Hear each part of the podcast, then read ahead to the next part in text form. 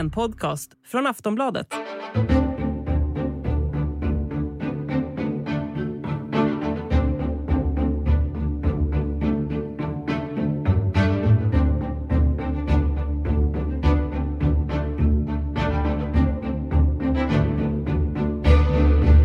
Hej, varmt välkommen ska du vara till Aftonbladet Utrikes. Jag heter Jenny Ågren. Det här är podden som handlar om det som händer utanför Sverige. Och jag har som alltid med mig Nivette Davud. Hello! Halloj! Är det bra idag? Ja, det är bra. Det känns eh, kul att vara tillbaka. Det var ju, fick ju ta en liten paus förra veckan för att jag skulle jobba med corona. Ja, Mm. det händer mycket med coronavärlden, men det är inte det vi ska prata om idag. Yes. Nej, vi ska i det här avsnittet ta oss an det som händer i Myanmar. Häromdagen så kom nämligen besked om att deras tidigare ledare Aung San Suu Kyi döms till fängelse för olika brott. Hon sitter i husarrest på okänd plats sedan i februari i år då militären Tatmadaw genomförde en militärkupp. Sedan dess har det varit oroligt i landet. Tusentals har dött i protesterna efteråt. Myanmar, som också kallas för Burma, ja, det råder faktiskt fortfarande lite delade meningar om vad man ska kalla landet, men här i Sverige så säger vi Myanmar. Landet har varit självständigt från Storbritannien sedan 1948, gränsar till länder som Kina, Thailand, Indien och Bangladesh, har en befolkning på över 55 miljoner. Sedan 1960-talet så har befolkningen levt i ett land med ständiga oroligheter i form av militärregim och inbördeskrig.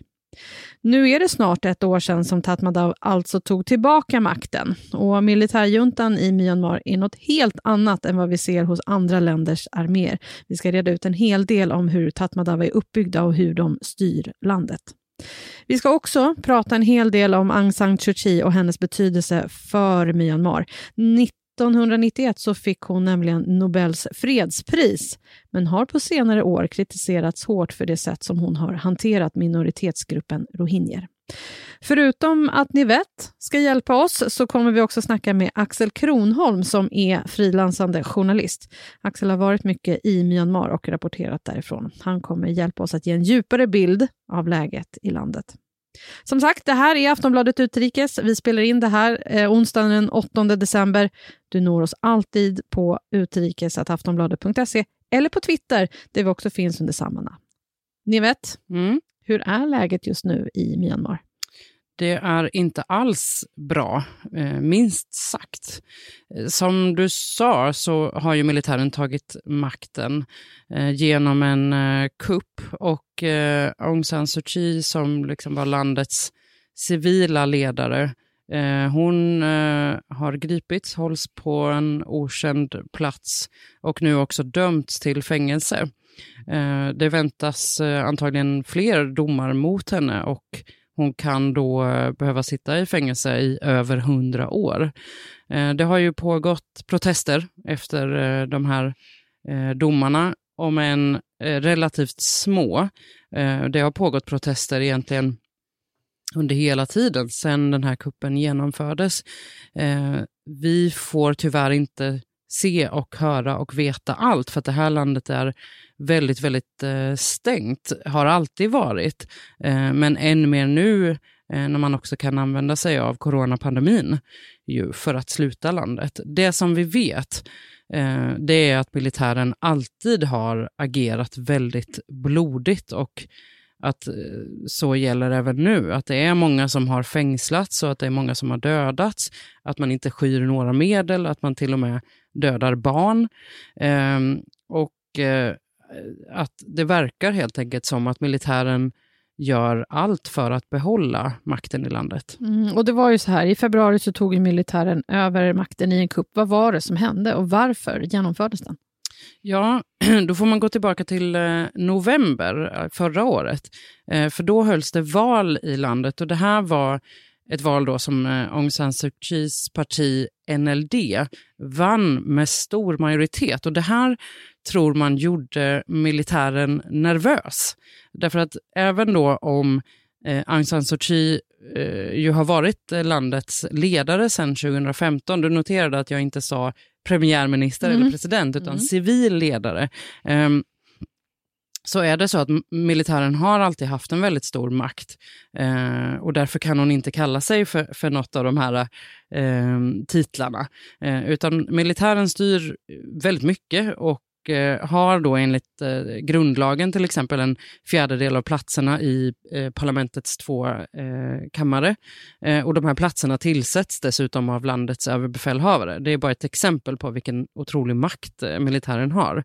Och då eh, Eh, tror man, alltså bedömningen är att när då NLD fick ett så stort stöd i valet så blev helt enkelt militären skraj för att partiet skulle börja kräva förändring eh, som skulle påverka hur mycket makt militären har. Och det här blev, kan man säga, åtgärden att ta över makten helt enkelt, att utlysa undantagstillstånd, fängsla eh, politiska ledare. Och det här gjorde man med motiveringen att det hade förekommit valfusk, någonting som eh, internationella observatörer säger emot eh, och, och menar att det här valet gick rätt till. Hur har läget varit i Myanmar under den här tiden? Det har varit väldigt eh, blodigt kan man nog sammanfatta det med. Ehm, för det har ju varit protester, eh, säkert fler än vad vi vet om, eh, mot det här maktövertagandet.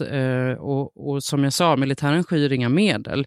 Ehm, de har dödat över 1300 personer enligt en liksom, oppositionssida som följer detta. Det här är ju förstås siffror som militären eh, säger emot. Um, och um, ja, de har liksom spridit sitt skräckvälde, uh, ja, både före kuppen men framförallt nu efter. Uh, och det här är ju någonting som uh, man ska säga att det här har militären kunnat göra länge i Myanmar. De, de har styrt landet sedan 1960-talet och har alltid haft en väldigt omfattande roll i Myanmar, inte bara eh, genom att, att styra över vapnen så att säga, utan också över verksamhet liksom, i eh, hela landet. Man har som en, som en stat i staten, ett samhälle i samhället, eh, där militären har det väldigt bra och resten av befolkningen eh, lever fattigt. Mm, och sen Aung San Suu Kyi, som, har suttit, eh, eller som sitter då i husarrest. Eh, nu i veckan så kom det ju besked att hon har dömts för olika brott. Och allt det här sker ju bakom stängda dörrar. Det är väldigt svårt att veta vad det är som faktiskt pågår och vad som sägs kring henne. Mm. Det, det har egentligen alltid varit eh, i Myanmar, det har, det har, alltid varit ett slutet land. Eh, även om det faktiskt var på väg att öppna upp rätt så mycket under eh, Aung San Suu Kyis tid, eh, när hon då fick makten, eh, eller som civilledare då, återigen 2015. Men när man gjorde, genomförde den här kuppen så, så utlyste man som sagt undantagstillstånd. Man tog över, militären tog över tv-stationer till exempel och spelade militärpropaganda, stängde ner stora delar av internet, telefontrafiken. Och man har ju också passat på kan man säga och använt eh, covid-19, coronapandemin, på, på ett sätt för att helt enkelt stänga landet ytterligare. Men Eh, vi vet ändå genom eh, ja, sociala medier och liknande att de här protesterna fortsätter. Um, och det vi vet om Aung San Suu Kyi är att eh, troligtvis så är hon inte liksom skadad eller blir illa behandlad för att eh, hon har ju suttit i husarrest eh, tidigare och under hela den tiden så, så påverkades inte liksom hennes hälsa avsevärt. Um, men hon är eh, fängslad och eh, kommer antagligen, eh, om de här ytterligare domarna faller mot henne, att, att behöva vara det i resten av sitt liv. Så det här är ju verkligen ett sätt för militären att eh, förstöra för eh, Aung San Suu Kyis liksom, demokratiidéer och planer för resten av hennes liv. Ja, vi ska fortsätta prata om Aung San Suu Kyi om en liten stund. Nu är det nämligen dags för oss att säga hej och välkommen till Axel Kronholm som är journalist och som har stenkoll på det här med Myanmar. Hej Axel! Hej på er! Hur är läget med dig? Men det är bra tack, det är fint. Vad härligt att höra. Nu undrar vi så här först, när var du senast i Myanmar? Alltså det var precis uh, före pandemin. I februari 2020 uh, var jag där sist. Och hur var läget då? Jo men då var det, alltså vad ska man säga, ganska stabilt eller normalt. Liksom. Då, då fanns ju, alltså ingen visste ju vad som skulle komma, vare sig med pandemin eller med uh, kuppen. Um, så, um, ja. Kan du berätta lite om eh, Myanmars bakgrund? Ja, men alltså det, är ju en, eh, det är ju en gammal brittisk koloni. Det hade en väldigt turbulent period efter självständigheten från britterna 1948. Ehm, det var olika maktstrider och det utbröt också ganska snabbt väpnade konflikter mellan Eh, militären och olika etniska arméer som ville ha ökat självstyre. Och ganska snabbt så grep militären in eh, och genomförde en kupp 1962. Och sen dess så har i kanske ungefär 50 år har landet styrts av olika militärjuntor. Eh, fram tills då för ungefär tio år sedan när man började en ny period av kan man säga, relativt ökad öppenhet och demokrati. Alltså man avskaffade censuren och man eh, släppte ut politiska fångar, däribland då Aung San Suu Kyi. Eh, och eh, media kunde börja rapportera öppnare och sådär. Så det blev en Um, det, det, var ju en, en ny tid och, med ganska mycket framtidshopp också. Um, och, det, och det är ju den, ska man säga, den perioden som militären nu har sagt, satt punkt för i och med den här kuppen. Hur märktes det här, eh, du som har rest eh, mycket i Myanmar, hur märktes den här liksom demokratiprocessen som påbörjades?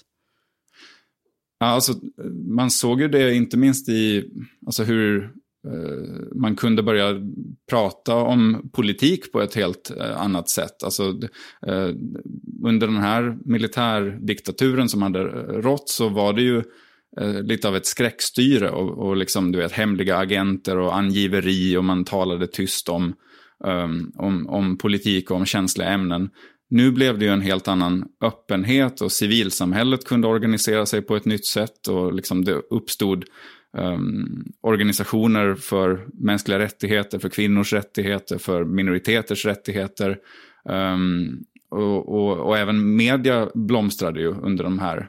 Eh, även om de hade det kämpigt ekonomiskt så det ploppade upp olika mediekanaler och tidningar och, och sånt eh, som svampar ur jorden. Och, ehm, eh, och inte minst hos unga så fanns ju de, de vande ju sig ganska snabbt med den här nya öppenheten och, och det fanns en ganska stor um, ganska stort hopp för, för framtiden och en tanke om att nu har vi äntligen lagt den gamla tidens militärstyre bakom oss. Um, sen, sen, var ju den här perioden, även om det fanns de här positiva förändringarna, så var det ju långt ifrån vad kanske vi skulle kalla en, en full demokrati. Alltså militären höll fortfarande en väldigt central roll i samhället. Det fanns repressiva lagar som också Aung San Suu Kyis regering använde sig av för att tysta kritiker och att fängsla eh, oliktänkande och journalister och sådär. Um, men, men trots det så fanns det ändå de här, uh, de här lovande utvecklingarna. Men var det så liksom att eh, militären hade liksom nu, nej nu har det gått för långt, så här vill vi inte ha det. Var det därför de genomförde kuppen eller hur kommer det sig att kuppen genomfördes? Jag tror det. Alltså deras egen eh, motivering är ju att uh, Aung San Suu Kyi och hennes parti skulle ha fuskat i det senaste valet. Det finns det inga bevis för. Internationella bedömare menar att valet i stort sett gick uh, liksom schysst till. Um, det här var ju den andra jordskredssegern som hennes parti fick i, i eh, demokratiska val.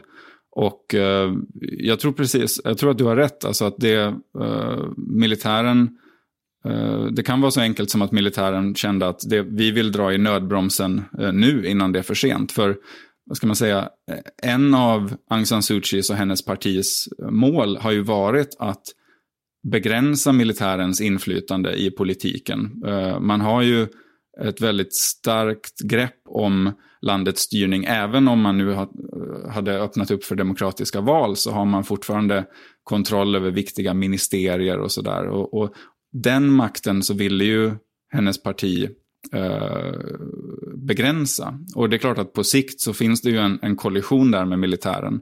Eh, och, och, det kan ju mycket möjligt vara så att det var den man ville så att säga föregå nu genom att genomföra den här kuppen.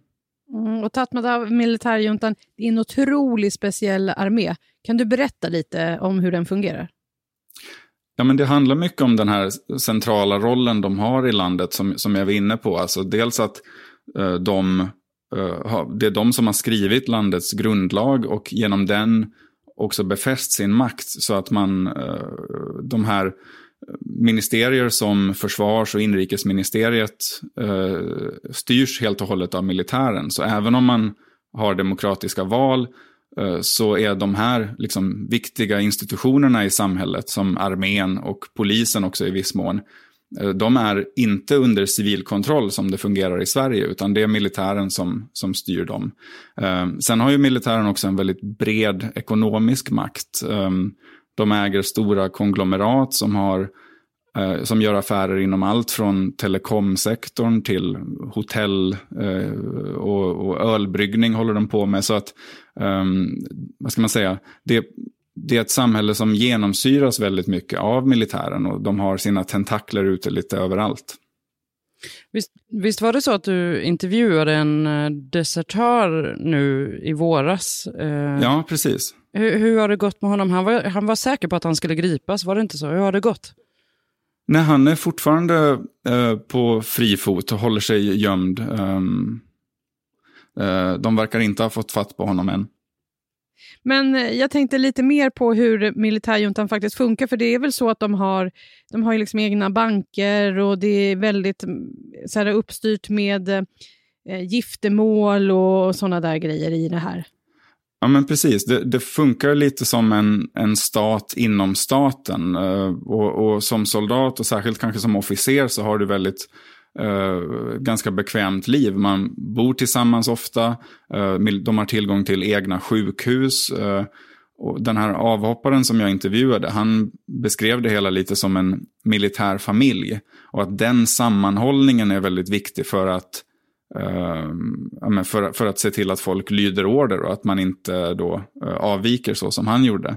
Um, så det, man kan säga att det styrs ju med både piska och morot. Alltså moroten i att man har de här förmånerna som när man är med i militären. Um, men att det också finns ett stort element av, av rädsla och att uh, soldater kontrolleras uppifrån av, av de överordnade och sådär. Um, det har ju varit en del avhopp från uh, armén. Men jag tror att det här är förmodligen en anledning till att vi inte har sett fler soldater lämna. Uh. Men du, eh, de här protesterna som ändå sker nu, eh, eller som har skett sedan sen kuppen, det är ju väldigt mycket så eh, som du har beskrivit att, att militären har en massa vapen och befolkningen har inte det.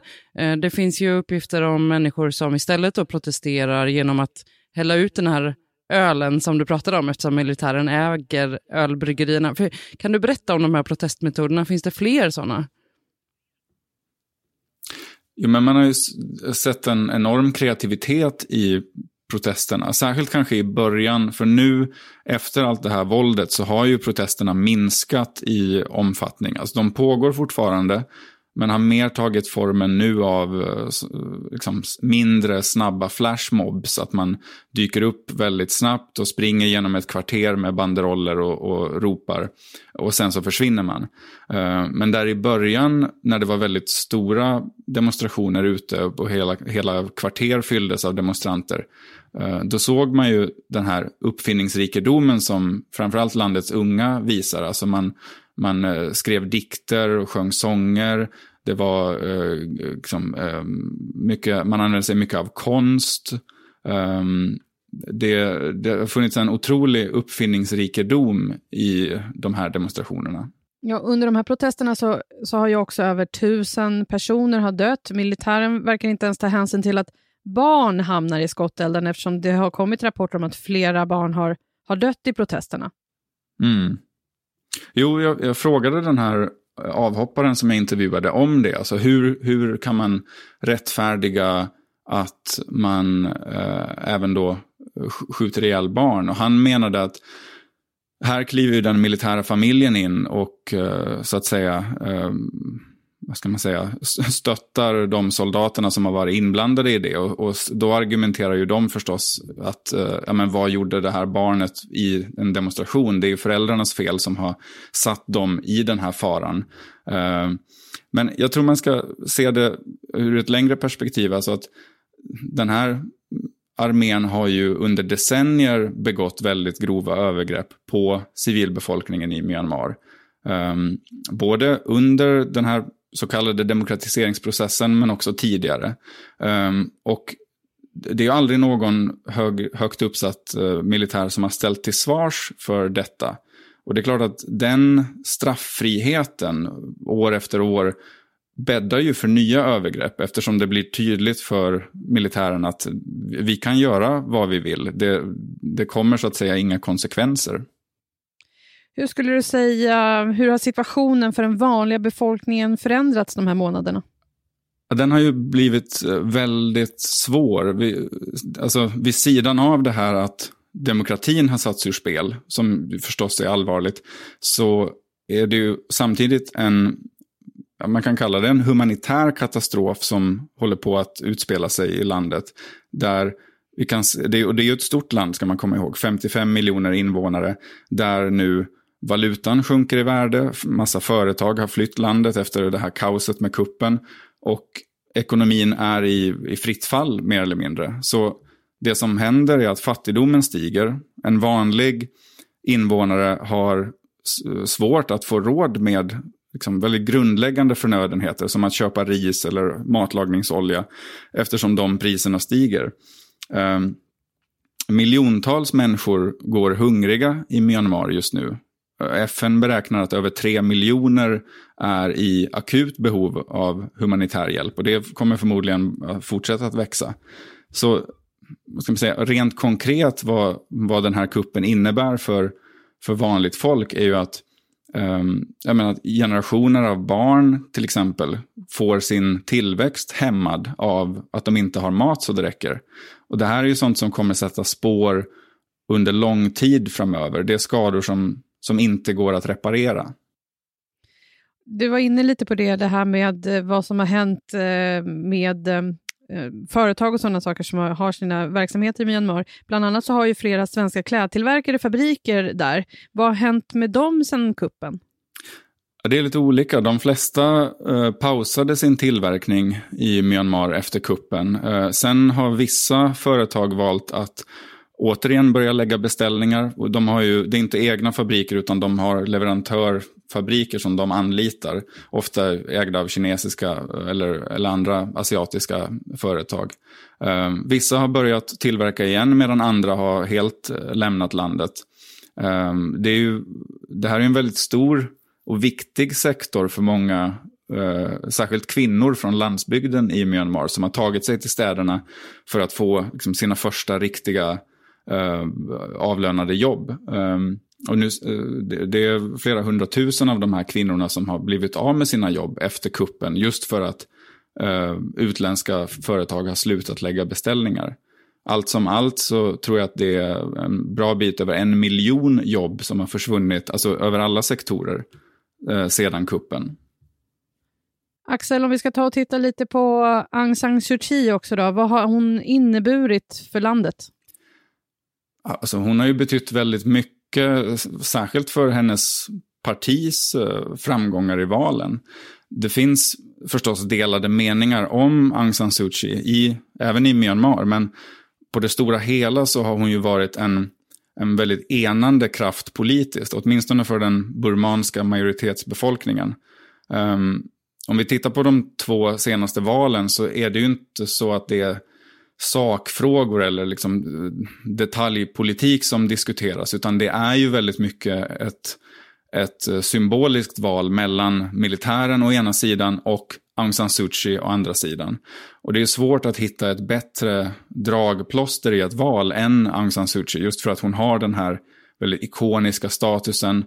Eh, hennes far Aung San ses som något av en landsfader i Myanmar. Så att hon, hon har ju en enorm uh, liksom, politisk symbolik i Myanmar. Om hon nu döms då för olika brott, hur kommer befolkningen reagera på det tror du?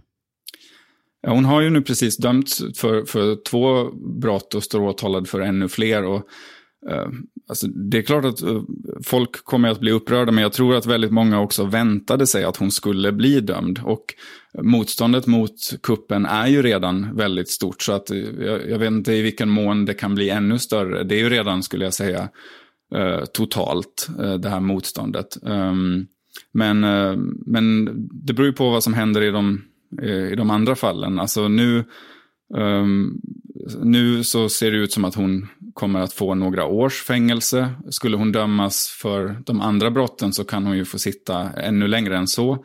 Um, så att jag tror det beror väl också lite på hur, hur hårt hennes straff blir av militären. Ni vet, det är ju så, hon är ju otroligt eh, populär. Eh, vad kan det här få för konsekvenser? Ja, hon är det. Eh, I alla fall in, inne i landet. Eh, hon fick ju Nobels fredspris för den här demokratikampen. Eh, internationellt så har ju liksom hennes eh, stjärna falnat efter 2017 då när eh, den här minoritetsgruppen rohingyer eh, fördrevs från landet och det var ju militären som, som stod för detta fördrivande. Eh, och hon har ju liksom inte öppet tagit avstånd från det, utan eh, bara för eh, ja, strax över ett år sedan så, så försvarade hon detta som en kamp mot liksom, terror inför internationella brottmålsdomstolen. Eh, men hon är som sagt hon är väldigt populär på, på hemmaplan. Ehm, och, och vad konsekvenserna kan bli av det här, ja men det är nog att hon, hon kommer ju fortsätta att vara populär, annars hade ju inte de här protesterna skett. Eh, men internationellt så ska man verkligen veta att, att hennes liksom gloria har fallit. Eh, det betyder ju inte att man tycker att det är okej okay, förstås att hon grips, eh, men, men det finns en, en tydlig distinktion där efter 2017. Mm. Axel, eh, vad behöver omvärlden göra för att hjälpa Myanmar? Ja, det beror lite på vilken omvärld man menar. Alltså från, från väst så finns ju redan riktade sanktioner och det finns krav på att man ska skärpa dem. Europaparlamentet vill att EU eh, även ska sanktionera olje och gasindustrin till exempel. Det är en stor intäktskälla för militären. Men det är också frågan vad sanktioner kan göra. Alltså militären har genomlevt åratal av sanktioner förut i historien. Eh, och tyvärr så är det oftast civilbefolkningen som har tagit den tyngsta smällen av det. Eh, det är nog svårt att sätta tryck på militären utan stormakterna i Asien, särskilt Kina då. Och än så länge så har inte de varit villiga att göra det. Ni vet, vad tror man då? Kommer Myanmar någonsin få uppleva en riktig demokrati? Oj, vilken jättesvår fråga att svara på. Men, jag langade ut den till dig. Ja, där. men precis. Men det finns ju som, som Axel också har tagit upp, verkligen en rörelse av unga som verkligen vill ha en demokrati. Och många började liksom ändå vänja sig vid Ehm, och såg liksom ett hopp i den här, eh, vad ska man kalla det, hybridlösningen där Aung San Suu Kyi fick styra, men sida vid sida med militären. Och det var ju alltid uppenbart att det var ändå militären som hade den ultimata makten. Och det syntes väldigt tydligt i, i just fråga om, om rohingyerna till exempel. Um, och, och där FN faktiskt menar att, att det är flera militärer som borde ställas inför rätta för folkmord eller åtminstone etnisk rensning. Och att uh, det blev ju så liksom att Suu Kyi fick, ja, i princip försvara det här, stå till svars eh, inför det internationella samfundet. Men det var hela tiden en balansgång, men man var åtminstone tänkte nog många i alla fall, på väg åt rätt håll. Mm, vi får se hur det går med det. Axel, vad tror man om framtiden för Myanmar nu då? Ja, alltså, just nu så finns det ju ingenting som pekar på att militären är på väg att eh, vika ner sig. Deras färdplan är att man ska hålla nya val eh, år 2023. Eh, och tills dess så styr juntaledaren Min Aung Hlaing som som statsminister. Och eh, ja, vad jag kan se så finns det inget som talar för att, eh, att den planen kommer att kunna liksom, eh, stoppas. Så att det, är väl, det är väl det som, som väntar kan jag tänka mig. Och det är ju då ett val där vi kan räkna med att Aung San Suu Kyi inte kommer att kunna ställa upp. Antingen för att hon sitter i fängelse eller för att hon förbjuds på något annat sätt. Axel, när hoppas du kunna åka tillbaka? Ja, det är en bra fråga. Eh, så, så snart som möjligt, men eh, än så länge så är, är det svårt. Alltså, det är ju både pandemi och eh, militärkuppen som, som ställer till det. Det skulle ju kunna vara så, om vi nu liksom utgår från militärens plan att man ska hålla nya val inom kort, så, så finns ju förstås ett intresse för dera, från deras håll att börja öppna upp landet igen för eh, affärer och investeringar och för turism. Eh, så, men det, det, är frågan om när det, kan, när det kan ske. För menar, just nu så är det ju mer eller mindre öppna strider som pågår eh, runt om i landet mellan demonstranter och, och militären. Axel Kronholm, tack för att vi fick ringa dig. Ja, visst, tack så ni ha. Okej, ni vet, vi är klara för idag.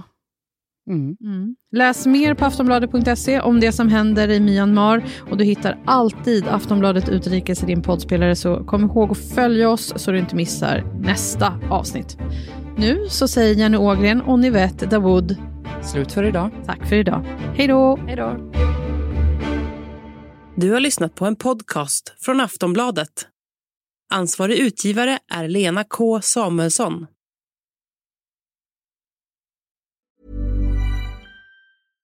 Hej, jag Ryan Reynolds. At Mint Mobile, we like to do the opposite of what Big Wireless does. They charge you a lot, we charge you a little. So naturally, when they announced they'd be raising their prices due to inflation, we decided to deflate our prices due to not hating you.